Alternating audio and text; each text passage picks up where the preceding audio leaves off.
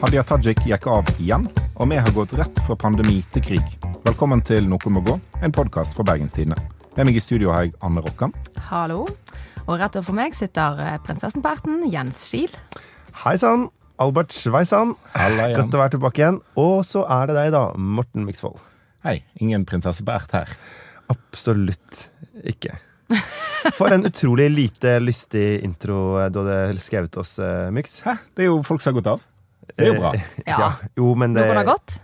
Igjen og igjen. Ja, faktisk. Nei, men det er nå det vi skal snakke om. Vi lever i interessante tider, som det sier. Ja, jeg tenker vi må begynne med dette temaet, for det ligger jo poddens natur og hjerte veldig nært. Eh, Vi har jo allerede snakket om at eh, Hadia Tajik eh, først gikk av som arbeidsminister, men da valgte hun å bli sittende som nestleder i Arbeiderpartiet. Kjempelurt. Ja, men det var jo en gavepakke til oss, for dette førte til at hun gikk igjen søndag kveld. Så gikk hun også av som nestleder. Så han har på en måte gått to ganger på en uke, og det er jo noe vi kan sette pris på. En av de var til og med i arbeidstiden. Ja. Kollegaen vår, eh, Gerd Margrethe Kjellflot, skrev jo eh, kommentaren må Hadia Tajik eh, slepes ut av partikontoret. I betydningen hvem skal fortelle henne at hun er nødt til å gå av som eh, nestleder. Eh, heldigvis for Tajik selv så slapp hun å bli slept, men kunne liksom Det gå vet vi på Det ingenting. Vi egne vet ikke hvordan hun kom seg til den pressekonferansen. Nei, men det så veldig lite ut Slept ut. Ja. Ja. Men det er jo liksom noe med å gå faglig uslept diamant. Det er noe med å gå faglig veldig sterkt og Ja. gå av to ganger, da. Ja. Så igjen, uh, hun annonserte sin avgang uh, onsdag ettermiddag. Det var veldig bra for podkasten vår. Hun går av to ganger. Altså, jeg får mer og mer tillit til Hadia Tajik. Men det er jo, jeg må jo si da, at eh, det, noe av det som kommer til å være interessant når vi skal gjøre opp status for denne regjeringa etter fire år, hvis den sitter i fire år, er at fort vekk så vil Hadia Tajik sine 130 dager i Arbeids- og inkluderingsdepartementet være eh, prega av flere resultater og mer leveranse enn det mange andre statsråder nok ville ha fått til på fire år. Ja. Det, hun leverte jo, ja, Du skrev jo om det også, Morten, men hun leverte jo helt utrolig Hun var masse. den en, det eneste lyspunktet, kalte vel Morten dette her. Etter Eneste seg- 99 dager. Ja. Altså, jeg tenkte Hvorfor først måtte du si det? Det var jo doomed! Ja, altså Du jinxa det. Ja. ja. men men uh, første tanken min var at pokker, den kommentaren sto seg ikke så veldig godt, fordi hun gikk jo av bare liksom, en måned seinere. Men han står seg jo på en måte, fordi hun var det eneste lyspunktet eh, som liksom var skikkelig offensiv. Eh, og nå er hun ute, og, og ja. Ja. Eh, Så, så det er jo et åpenbart problem for regjeringen. da. Ja. Hva tenker vi om eh, nestlederposten? Er det, altså, jeg syns det var veldig rart at hun ikke gikk av der. Altså I betydningen hvorfor skal det være lavere moralske standarder for å være nestleder i Arbeiderpartiet enn for å være statsråd? Det har jo på en måte historien vist at det har vært, men eh, det er jo Det bør ikke være sånn. Nei, det bør ikke være sånn. Og, eh, og hvorfor skal du ha tillit til det, men ikke tillit til det? Ikke sant? Ja, og så var det flere og flere avsløringer som kom nesten i løpet av pressekonferansen. Og, og i kort tid etterpå så var det jo flere nyhetssaker om hennes mm. pendling og, og utleievirksomhet eh, som kom fram. Så det ble jo umulig eh, for å, å bli sittende eh, som, som nestleder. Og jeg tror jo kanskje at det har gjort veien tilbake igjen eh, vanskeligere at hun gikk av to ganger Ja. enn om hun bare hadde gått av én gang. Men er, er det en vei tilbake? Ja. Det er alltid en vei tilbake. Jeg tror, Altså, jeg, tror det er en, eh, jeg tror det er helt åpenbart en vei tilbake. Først den dagen kom jeg på at uh, Terje Søviknes også er blitt nestleder igjen. Så jeg tenker uh, Ja. det meste går. Uh, Ja, Grete Faremo gikk av som statsråd på 90-tallet for å Ja, pga. Lund-kommisjonen og overvåkingsskandaler i regjeringa. Kom tilbake ti år seinere. Altså, husk at da eh, Støre blei valgt til partileder, så var han 53, eller noe sånt noe. Ja. Altså godt opp i 50-åra. Eh, det er 15 år til Mm. Hadia når den alderen. Ja. Hadia Mm. Tajik. Unnskyld. Jeg er ikke på, vi er ikke på fornavn. eh, Åh, snikskryt. Nei, vi er ikke på fornavn. Å ja. Vi er på etternavn. Vi er Å, ja, men jeg trodde du skulle si at du må skjerpe deg nå i poden, liksom. At Å, vanligvis ja. så kaller Ja, du ja. henne bare Haddiken. Haddiken, sant? Ja. Ja. Men, det, nå må du skjerpe deg. Haddemon. men altså, det eh, dette har jo vært, denne situasjonen har på en måte vært gaven som fortsetter å gi i et noe må gå-aktig perspektiv. For det er på en måte flere som har gått, men kanskje mest på skrått. Eh, hør litt Takk! Den måtte jeg. Men hør litt eh, på dette her. Det er jo litt spesielle omstendigheter som gjør at jeg er kommet hit til Arbeids- og inkluderingsdepartementet. eh, Og jeg har lyst til å rette en stor takk til Hadia Tajik, som har gjort en fabelaktig jobb eh, innenfor arbeids- og inkluderingsfeltet. Og sånn sett så gleder jeg meg veldig til å ta over eh, dette viktige området eh, etter henne. Det var jo vår egen Marte Mjøs Persen som har eh, gått fra å være olje- og energiminister til å overta for Tajik som arbeidsminister. Har vi troen på det? Ja. Ja, absolutt. Um, Takk. Nå går vi videre. jeg, jeg tror jo at hun fikk en litt urettferdig skjebne som olje- og energiminister. Um, noen klønete uttalelser. Litt rart at hun aldri ble bedt av statsministerens kontor å stille i, i mm. de muntlige spørretimene, og kom skjevt ut en del plasser. Men altså, regjeringens håndtering av strømkrisen henger nok ikke på olje- og energiministeren. Altså Det var Trygve Slagsvold Vedum som gikk rundt og skrytte av at regjeringen kutta ti øre i Nord-Norge på elavgiften eh, eh, i, i det første statsbudsjettet til, til Støre-regjeringen. Et tiltak som koster tre milliarder, som betyr ingenting eh, Ja. for noen som helst. For hva er det folk har vært mest rasende på Persen for? Er det, det, er det noe hun har gjort, eller er det eh, det at hun har vært usynlig. Har vært usy ja, sant? Er det ting hun ikke har gjort mer? Altså, hun har ikke vært synlig, hun- hun, hun har har, ikke gjort noen særlig eh, sterke liksom, pressekonferanser, eller eh, vært der for folk på Altså det på som måte. jeg tenker det er flere ting, da. At på den ene side så kan du si Da eh, Marte Mjøs Persen var aktuell som statsråd, så tippa jeg henne til et velferdsdepartement. Fordi det er det hun er god på, og det er det hun har erfaring med å jobbe med her i Bergen. Eh, så jeg ble ganske overraska over at hun var satt i et eh, på en måte Kall det et næringsdepartement, da, som eh, olje og energi er. For det er ikke egentlig det som er hennes eh, spesialfelt. Eh, og det gjorde nok at hun liksom Hun kom jo ikke inn og kanskje hadde en sånn pondus som hun ville hatt uh, hvis hun hadde jobba med f.eks. likestilling eller et annet felt som hun Klart. har, har lang erfaring med. Hun ble blant annet møtt med at hun var vindkraftmotstander, og at det kanskje var litt utfordrende som olje- og energiminister. Ja. Så jeg, jeg tror nok hun har funnet et departement nå som, som passer henne bedre. Men det er jo hele det ja. kraft, altså energi, Det å være energiminister er jo bare altså Du går jo en sirkel av paradokser. Hvis du skal være en del av denne regjeringen, som er på, måte, på mange måter ganske kraftkonservative, eh, men som samtidig skylder på alle andre for strømkrisen, eller ma mangel på kraftkrisen. Ja. Så det å sitte som minister for den posten er jo bare eh, Jeg tror det finnes et sånt eh, uttrykk for dette. Altså, du, du kan på en måte ikke vinne. Det er ikke uttrykket. Det, Det var en såkalt. Urias-post. Ja, noe sånt! Takk, Ja. Morten! Ja. Eh, Mens ja, nå blir hun plassert. ja, det, går, det er umulig. Det, altså, de valgt, altså, Senterpartivelgerne vil ikke ha noe av det som kunne bøtet på problemet, på en måte, samtidig som Ja. Nå har hun blitt flytta til et departement som kanskje er det absolutt viktigste for mange Arbeiderparti-velgere. At eh, arbeidsmiljøloven skal, eh, skal endres etter åtte år med borgerlig regjering. eh, innleie av eh, midlertidige av, av fra sånne bemanningsbyrå skal reguleres mer.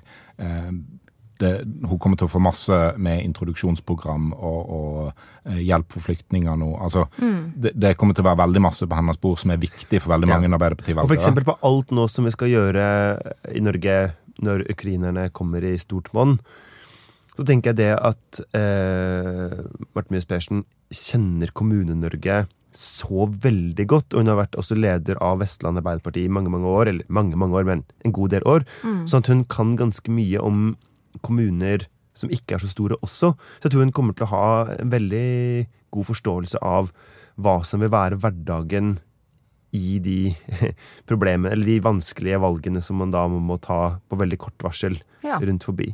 Og så tenker jeg vel at det var, jeg syns det var utrolig merkelig eh, håndtert av Støre i flere omganger med Persen. Altså, du kan si Hun var ikke noe spesielt sterk i en del av de debattene hun gikk, men de gangene det kom økt strømstøtte, så var det jo Jonas og Trygve som liksom stilte opp. Ja. Og det at de ikke tok med seg fagstatsråden sin Ja. på feltet hver gang de hadde åtte milliarder til overs som hadde funnet i en eller annen portemonee på loftet, Ja. mens hun liksom heller eh, ble sendt ut bare når det var dårlige tider. Det er litt sånn svakt lederskap. Du må på en måte få lov til å la du, du må la statsråden få skinne på sånne ting, da. Og så er det jo noe med at uh, en statsråd gjør det ikke bedre enn den politikken en fører. Så når en kommer med halsende etter med strømpakke etter strømpakke, og en eh, liksom føler hele tida at regjeringen henger etter. Eh, Borettslaget er ikke inkludert, og eh, det, det kom stadig nye krav fra Landbruk ulike er ikke interesser. inkludert, og ja. Ja, eh, da, da følte en hele tida at regjeringen var på etterskudd. Og så kan en òg si at eh, jeg tror mange har vært urettferdig i kritikken av regjeringen på nivået de har lagt seg på. Altså Jeg mener at de burde ha hjulpet folk med lavere inntekter mer enn Mm, eh, resten.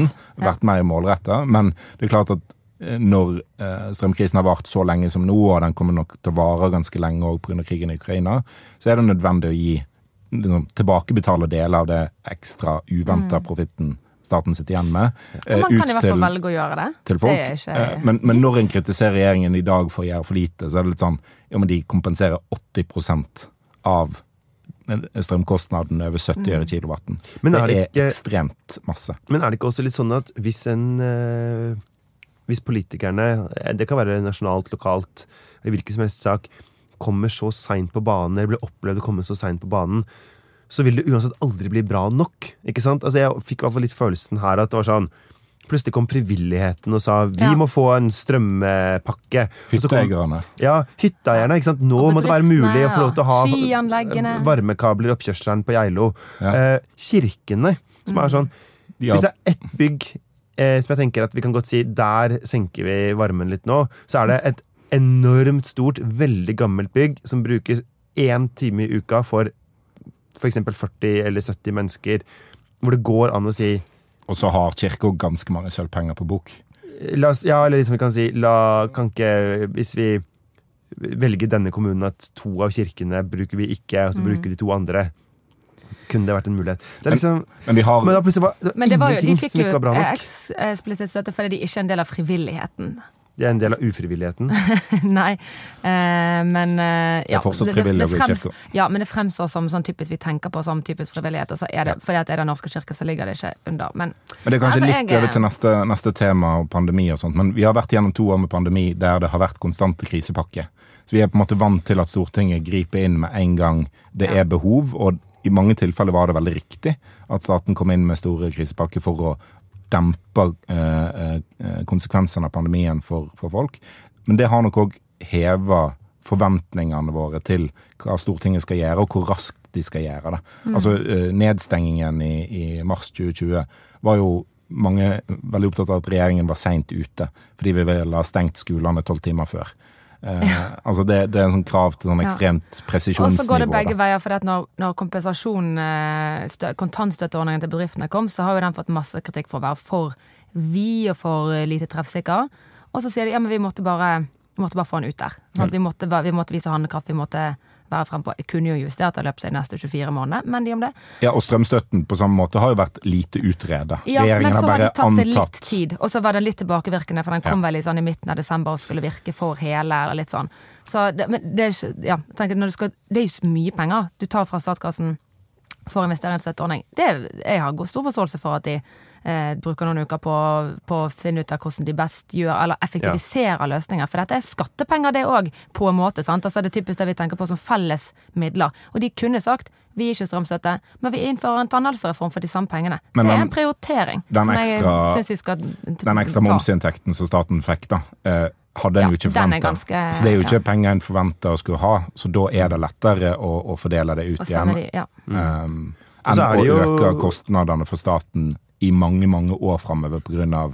ekstrainntekter som kanskje bare Ja, varer i noen måneder. Men dette er også en det ville ikke vært som veldig ansvarlig. Nei, ja, altså jeg er helt, jeg er helt enig i at det er forskjell på Dette er ikke skattepenger. Altså det er ikke skatteinntekt. Det er en, en annen inntektskilde, på en måte, og da kan en godt på en måte ja. Men dette er også en regjering som ser etter muligheter for hvor de kan øke skattene, fordi de ønsker seg en sterkere omfordeling enn det vi har hatt før. Og det spiller ikke en stor rolle for den jevne familie hvor den skatten på en måte rammer. Om den er, kommer på strømregningen, eller om den bare aldri kommer på Det siste lønnsslippen. er vel, altså Denne regjeringa ser seg vel ikke om et mulighet for å øke skattene. De har vel sagt at skattenivået skal være uendra.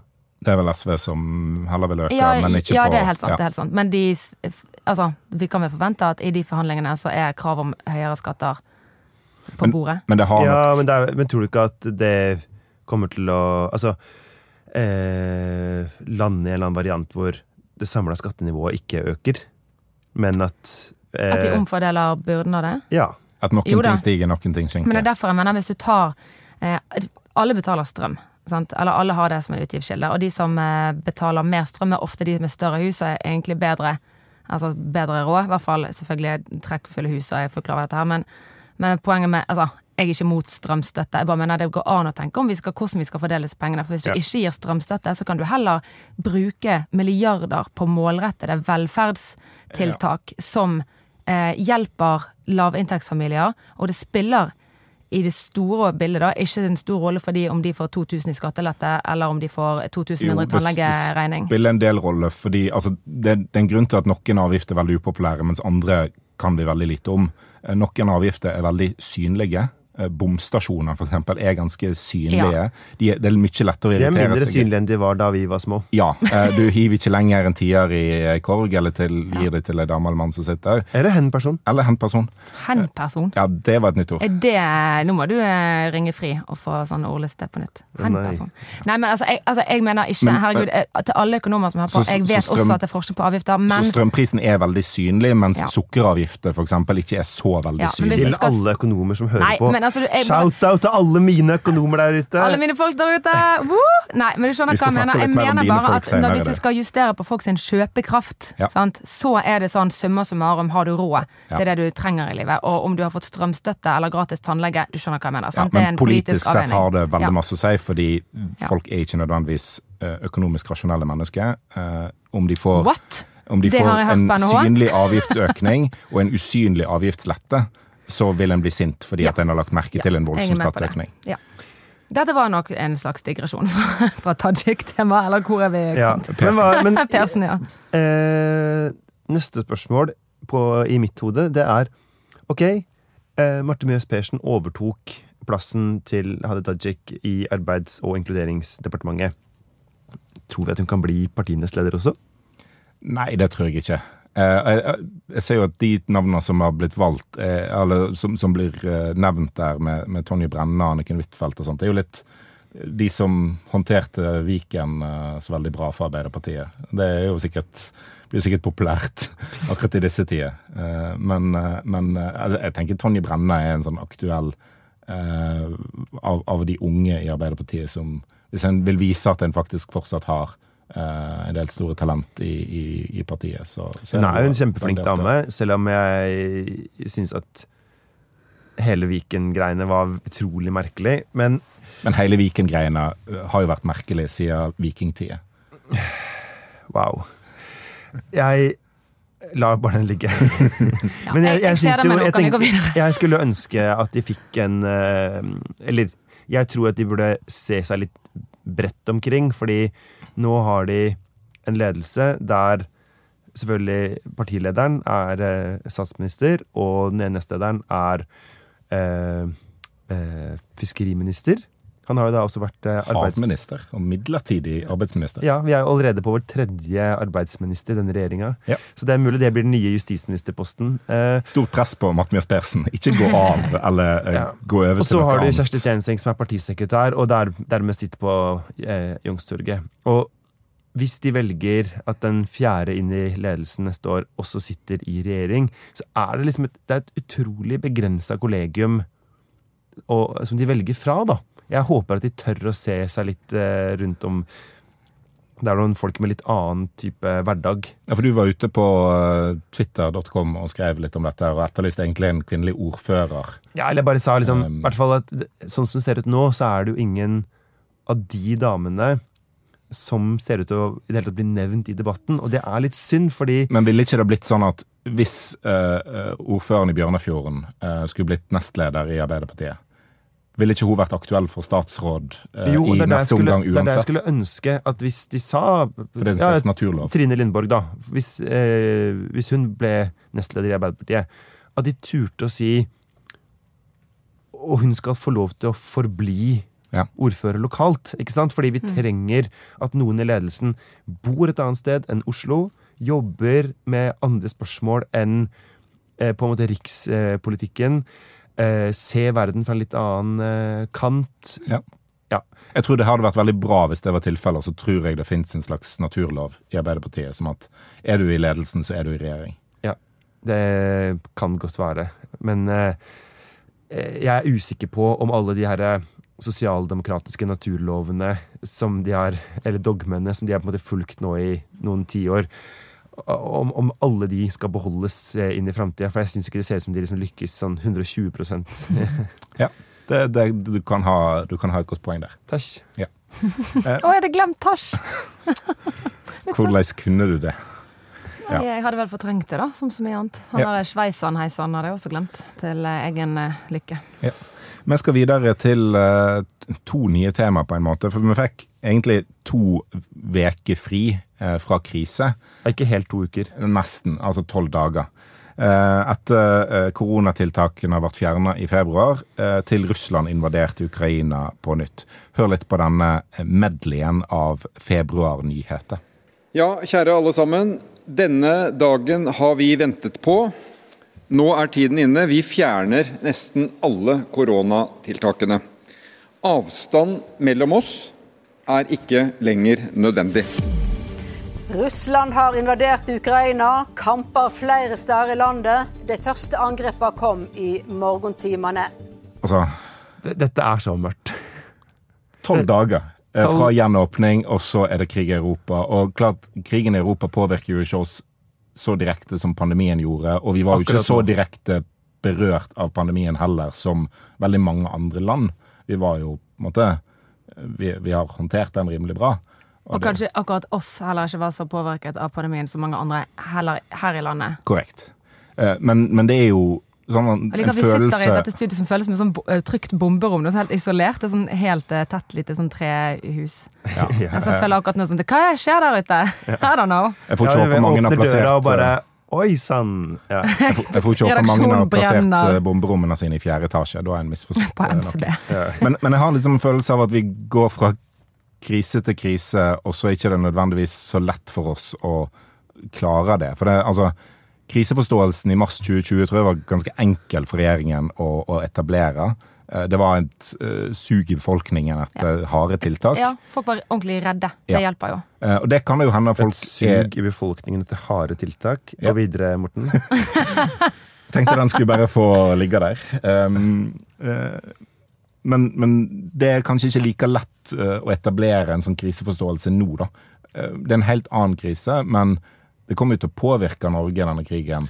Enten direkte gjennom at krigen eskalerer, gud forby, eller ved at alt blir dyrere, Ja. alt blir eh, eh, vanskeligere. Det kan bli global uro pga. matvarepriser. Eh, altså Det er mange ting som er ukjent med krigen i Ukraina. Ja.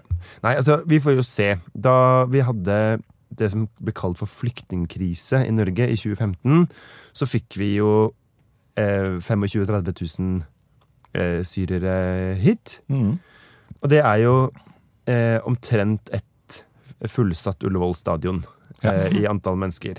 Og det eh, jeg, nå skal jeg virkelig la eh, privilegiene mine på en måte forsvinne, men jeg opplevde bare ikke at Norge var en krise. Jeg tenkte Det var en krise for flyktningene. Å være, det, er, det er en krise å være flyktning. Eh, men jeg tror Og det var behov for akutte tiltak fra staten for Ja. å Men jeg opplevde liksom, jeg tror For de aller fleste nordmenn så tror jeg nok ikke at eh, det ble særlig store endringer i hverdagen av at vi fikk eh, et stort antall flyktninger hit. Nei. Um, du kan si det kan ha vært noe altså sånn eh, At barnevernet i enkelte kommuner var under press. Altså den type sånne veldig spesifikke tjenester. Men i det store og det hele, dette hadde vi liksom Det var ikke flere enn at dette greide vi fint. Og så veit vi jo ikke hva som kommer nå. Eh, det kan bli veldig mange flere. Eller det kan bli ikke så veldig mange. Og de kan være her i ganske kort tid. Eller det kan være en, en krig som varer kjempelenge. Ja, For det var det, altså Den følelsen jeg tror mange satt med i mars 2020, var jo at vi håndterer denne nedstengingen her. Det kommer sikkert ikke til å vare så lenge. To år seinere eh, så eh, fjerner Støre meteren. eh, og, og, og, og da skjønner vi at det har faktisk vart i to år for oss. Ja. Eh, vi, vi aner jo ikke hvor lenge krisen i Ukraina og, effektene av det vil påvirke. Og effektene kan jo vare mye lenger enn kamphandlingene. Eh, så det, jeg har en sånn følelse av å være tilbake i mars 2020. Det sender meg ikke på heimekontor, eh, men det kan jo Jeg er jo alltid skrudd sammen sånn at det ukjente framover, det er verre å forholde seg til enn det kjente vi har vært gjennom. Nei, jeg hadde, jeg hadde ett Jeg hadde en sånn liten sånn uh, uh, atomvinterfryktdag her forrige mandag. ja. Så ringte jeg fattern, og så var han sånn Jens, nå har jeg levd med atomtrusselen siden jeg ble født i 1950. Dette Det går bra. Og det var litt sånn Det deilig, er, det er egentlig. jo forskjell på folk. Ja, Også jo, men det var noe med den altså, Nå er ikke jeg så veldig nevrotisk skrudd sammen, men, jeg, men eh, det var noe med at sånn Tross alt eh, Så er ikke dette første gangen at noen liksom rasler med, med, med atomspørsmålet. Og heldigvis så har de på en måte vett å se at eh, vi, har, vi har jo liksom aldri heldig, eh, kommet den, gått den veien ned. Nei, og En har vært i en konflikt. altså Den kalde krigen varte i mange tiår, der det var en atomtrussel som hang over folk, og det, det kom aldri dit. sant? Det er liksom Nå er vi i en posisjon der vi kan trøste oss med den kalde krigen. At det gikk tross alt eh, bra, eller verden overlevde i hvert fall. Ja, og du kan si, ikke sant, som eh, så mye annet, da, at sånn, også den kalde krigen var utrolig kjip for veldig mange andre mennesker enn oss. Altså, Ja. hvis du var eh, eh, Hvis du levde bak jernteppet og mangla demokrati og andre grunnleggende menneskerettigheter, det, det var en skikkelig kjip konsekvens av den kalde Ja. krigen. Må det være, eller av uh, ja, av Warszawapakten og, og Sovjet, mens vi har nå stort sett bare cruised på overflaten. Men én ting Altså, jeg har personlig gått i sånn fatigue. Eh, Ja. for, altså, for, igjen, jeg var heldig under pandemien. Sant, har fast jobb, familie, venner der jeg bor, og ingen barn som jeg må liksom guide gjennom uforståelige avgjørelser.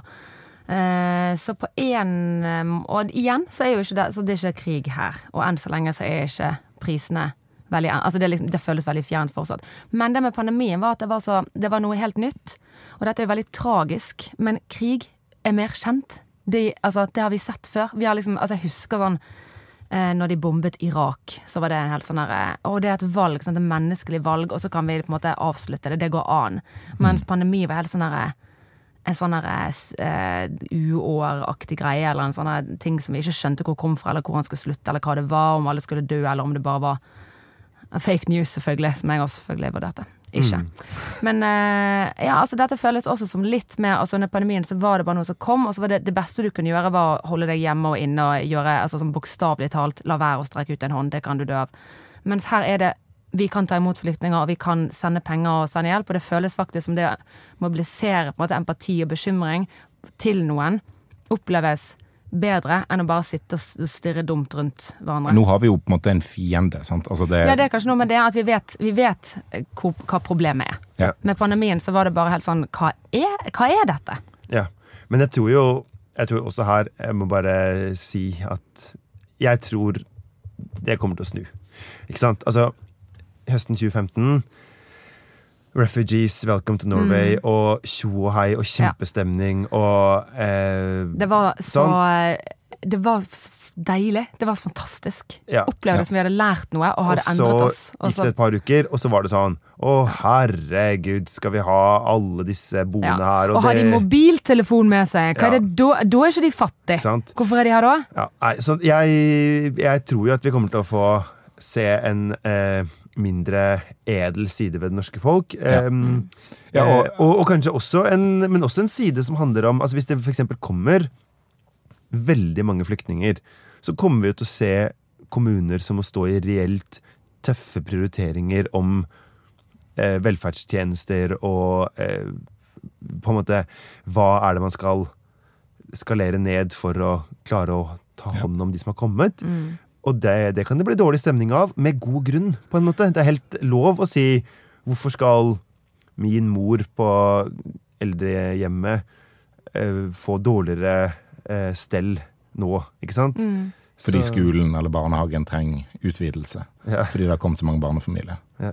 Ja, og, og det er nok vanskeligere å se sammenhengene mellom eh, endringene i samfunnet nå enn under pandemien. Altså, eh, vask nevene, holde avstand, ikke reise på sydenferie var liksom litt lett å forstå fordi du skjønte at du kunne ta med deg smitte tilbake til Norge. Mens nå er det sånn eh, Espen Barth Eide var intervjua i DN i dag, eh, torsdag, der han sa at liksom nå var det slutt på denne Norge først-strømdiskusjon-greiene. Og da, da har jo han tatt steget opp til å bli klima-, miljø- og naivitetsminister. Fordi jeg tror ikke det. Altså Nei. Dieselprisene er skyhøye nå. Altså 24 kroner literen. Jeg tror ikke det er noe folk bare kommer til å akseptere fordi det er krig i Europa, og nå må vi huske å ha solidaritet med ukrainerne. Derfor er jeg enig med Jens at jeg, jeg tror det kommer til å snu. At den, det samholdet en føler på nå, ikke nødvendigvis er 100 reelt. Det Og at de ikke har eh, utholdenhet. Ja, det er lettere å skifte sånn eh, ukrainsk flagg på profilbildet og vippse 300 kroner til Kirkens Nødhjelp, enn å liksom sitte i langvarig endret kjøpekraft for eh, familien sin. Ja, for det, det blir forferdelig dyrt, dette her. Å Ja. sitte i langvarig endret kjøpekraft, mente du få dårligere råd? Ja. Ja. Eh, Ja. Men det er et eh, Nei, ja. Eller Altså, hør da, Jens. Grunnen til at man av og til bruker veldig sånn kompliserte ord, er at man prøver å være presis, og du kan få dårligere råd. Eller du kan få eh, dårligere kjøpekraft uten å måtte få dårligere for eksempel lønn eller inntekt eller høyere utgifter, et ekstra barn eller whatever det måtte gjøre, så endrer på en måte hva, hvordan opplevelsen av hva du har råd til er. Så da får du dårligere råd. Ja. Ja. Eh, men eh, ja. Ja. Ja ja, det er eh, Det- kvinnedagsuke på La meg forklare dere litt. Stupidos. Kvinner forteller meg ting. Det liker du. Uh, ja, da lærer jeg jo noe. Ja. Altså, Alternativet er at du forteller meg ting. Og Ja, det, da lærer du absolutt ingenting.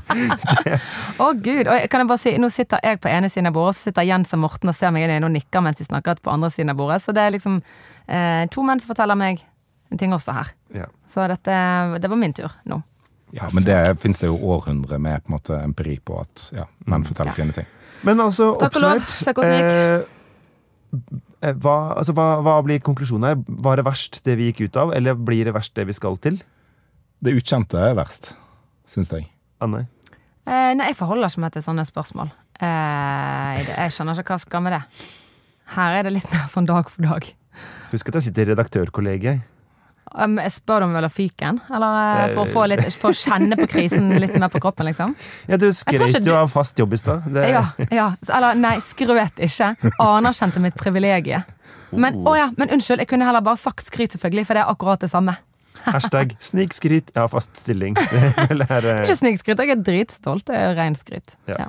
Ok, Jeg tror vi går videre til vår faste spalte og Vestland. Og uh, Jens, du er jo uh, tilbake fra mm, permisjon. Eh, du har sikkert fundert veldig masse på Vestlandet i den tida du har vært ute. Så hvor har du tenkt å ta oss i dag? I dag så innfører jeg eh, spalte i spalta, nemlig ÅNHH. Fordi Oh. eh, NHO, var det det? en utrolig interessant del av det å være kulturredaktør er jo at jeg blir invitert på mange premierer. Ja. Og sist uke så blei jeg invitert på åpninga av eh, Uken på NHH, og dermed også da premiere på Ukerevyen, som heter Debut i år. Og for en som jo ikke er så veldig vel bevandra ute på eh, Ute i Ytre Du mener ute på Norges aller høyeste? Oh. Så var det Jeg må si uh, det var gledelig, det var sjokkarta, det var skremmende, det var vakkert, det var, det var altså, Jeg har sjelden vært i kontakt med så store deler av mitt eget følelsesregister som jeg var denne torsdags... Eller Asker og Bærum eh, Ja. kommune. Kan jeg bare få fordi legge du har jo gått der. Ja, kan jeg få Altså, her har jeg gått på NHH eh, i åtte-ni jævla år. Det er jo kanskje mer min feil enn Jævla andre år. feil. ok. De har vært lang, tung, seig, fortvilende. Eh, og jeg har snakket om det i podden her òg, og dere har sett meg og stilt sånn 'må ikke du være så sur?'-spørsmål. Og så har du vært der ute i fem jævla minutter, og så skal vi ha spesialsending for å snakke om følelsesregisteret ditt. Altså, jeg har grått på dass på NHH fordi at det var så jævlig mange østlendinger rundt meg som sa sånn 'Må hilse familien, hva gjorde du i påsken da vi var på?' Altså, det er bare øh, Så jævlig der. Det er livets helvete hvis du treffer dem på rett eh, ja, litt for tidlig på morgenen. Og, så, og, og du skal å, få, høre, få høre om din opplevelse, Jens. På der du var invitert som redaktør på en festaften. Takk. Forklar. Hvor går vi herfra? Fordi du har jo nå Vi er ferdig for i dag. Takk for oss. Tilbakemeldinger sendes til Anne må gå. Beklager, jeg har drukket kaffe. Jeg skal romme det nå. Du har også drukket kakao. Ja, faktisk. Jeg har drukket Så du har fått eh, sukker og Jeg har drukket sånn, du vet, sånn, eh, eh, ka, sånn kaffemaskin på jobb som har sånn kakao. sant? Eh, Ja. Det er jo på en måte ikke snev av sjokolade i det, mistenker jeg. Det er sånn sukker med kakaosmak. Og så har jeg tatt en espresso-shot oppi den. Ja. For jeg mener, denne podden er eh, rusliberal, men ikke så rusliberal. Skal vi tilbake til det- Handelshøyskolen? det ble Fordi stimuli det som er, altså det som er et utrolig Et sterkt særpreg ved dette her, da, det er dette som kalles for pampene. Mm. Som er mennesker som tidligere har gått på NHO, Ja, eller vært i pa- Pamp er jo et ord vi andre bruker som et skjellsord. At noe er pampete. Ja. Eh, men ikke på NHO. Nei, for pampene der, de har vært i uken, eller vært i ledelsen for uken, er det sånn? Ja, jeg, jeg- vet du hva? Jeg vet ikke. Jeg har aldri liksom viet eh, oppmerksomhet til å si Å, fortell meg, hvorfor har du pamp? For jeg er ikke interessert i å stå i ro og høre på svaret. Og så går de altså rundt da i eh, hvite smokingjakker, og allerede der ringer Eller egentlig, alarmen ringte Vorpamp, men Ja. eh, på en måte flysirenene går jo ved hvite Ja. smokingjakker. Og de har de på en måte, tror jeg, gått rundt med siden studiedagene. De er sånn gullnett og flekkete. For at de har da gjerne sånn Hvis, hvis, har, hvis noen har mista et glass rødvin nedover ryggen på din dressjakke i på, 1978. ja, og uken 88, så er den flekken der, på en måte, for den skal ikke vaskes. Og så henger det tjukt med medaljer, men også pins. Jeg hadde liksom glemt at pins eksisterte, men det har de eh, på, på brystet. Og, det, og de pinsene får man sikkert for å være med på Jeg tror det bare for hver, Ja, hvis du har vært innom en bar der, så får du en pinn, og så får du, akkurat- kan du bytte pinn med andre, og så får du vennepinn. Ja, så det er som pin, Pogs. så- Ja, Men sånn. akkurat dette er jo på en måte ikke unikt for Handelshøyskolen. For òg studentersamfunnet har jo eh, på en måte et adelssystem som er jo egentlig en parodi og veldig gøy. De har utdeling av medaljer, det er nachspiel-medaljer du kan få, og eh, det, de har pamper, og det er sjakett, og det er liksom pomp og prakt og eh, rølpete nachspiel. Eh, så det er jo eh, på en måte det er jo en del av den bergenske kulturen, og så er nok Handelshøyskolen mer på en måte en sånn østlandsk enklave. Eh, der Dette er en form for studentkultur jeg aldri har blitt sjarmert av, i hvert fall. Den der, eh. Jeg syns det er helt strålende. Jeg, jeg syns det er gøy med den litt sånn sjølhøgtidelige 17. mai-komité-aktige måten å oppføre seg For på det, på som jeg lurer på, det som jeg, ikke, det som jeg ikke klarer helt å få fatt i, det er eh, Er det et snev av ironi et sted i bånn der, eller er det bare sånn Dette har vi sett de hadde i USA, så vi har lyst til å ha det, vi også. Ikke sant? Fordi jeg opplever Lacrosse på NHH tror jeg er sånn Vi så American Pie. Ja, men det, jeg Eh, tror definitivt at det er noe sånn NHH-sverr Nei, det er USA-sverring. utrolig bra å ser. American Pie og tenker det jeg har mest lyst på, er lacrosse. Ja, men sant, lacrosse, og det at du, de kaller det jo sånn det er, Vi ses på campus. Sant, det sier man. Altså, det er en litt Det gjør de i sånn- Sogndal òg, så det Ja, men det har de kanskje begynt med Ja, eller faen. Det er litt gøy med Sogndal, fordi der heter jo eh, campus Fosshaugane. Og alle skjønner på en måte hvordan et sted som heter Fosshaugane ser ut. Og ordet campus er vel latin og betyr flat slette. Ja. Men eh, takk, Ja. takk for meg. Det er fint. da. Takk for informasjon, eh, Jens. Ja. Eh, nei, eh, ja, altså uansett. Det, eh, jeg vet ikke. Eh, Så, når det kommer til veldig mange ting på NHH, så vet jeg ikke. Jeg har bare gått ut der, tenkt. Sant? Altså Medalje for å gå på nachspiel, du får ikke det i mine kretser. for å si det sånn. Derfor da har ikke vært nok eksamen. på- Du har trenger ikke medalje for å komme deg på nachspiel, du får medalje for å gå hjem. Ja, det er jo de som holder lang, lenge ut, og som får medalje. Men jeg, jeg, tolker jo liksom noe av denne sjølhøytideligheten og disse medaljeutdelingene og sånt, er jo òg et liksom, uttrykk for den bergenske måten å være på, at sjølironi Altså en pakke inn det å være stolt av byen sin i sjølironi. Ja. Og at ja, det er ikke sikkert alt er sjølironi. At noe bare Mm. er pampete.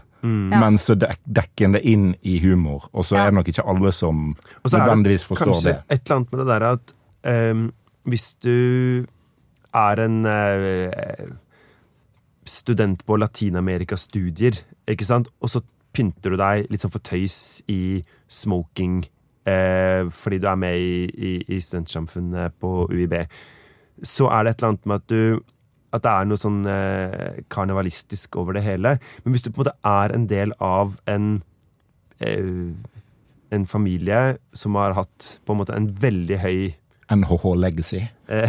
en høy status alltid. Ja, hva Og skal si, har du flere anledninger til å gå med smoking. Ja, men det er liksom et eller annet med at, at du på en måte, Og så skal du inn i et liv hvor du skal være en del av Norges finansielle elite, og så tuller du med å ta på deg smoking, så er det et eller annet med at, at avstanden Eller det, det, det, i så fall så er ironien så subtil, da, at Mm. i hvert fall denne kulturredaktøren er for dum til å oppfatte den.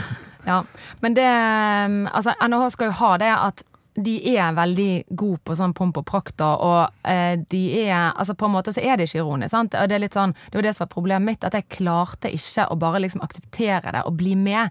Jeg syns det var så ubehagelig. Jeg syns det var så jævlig dumt.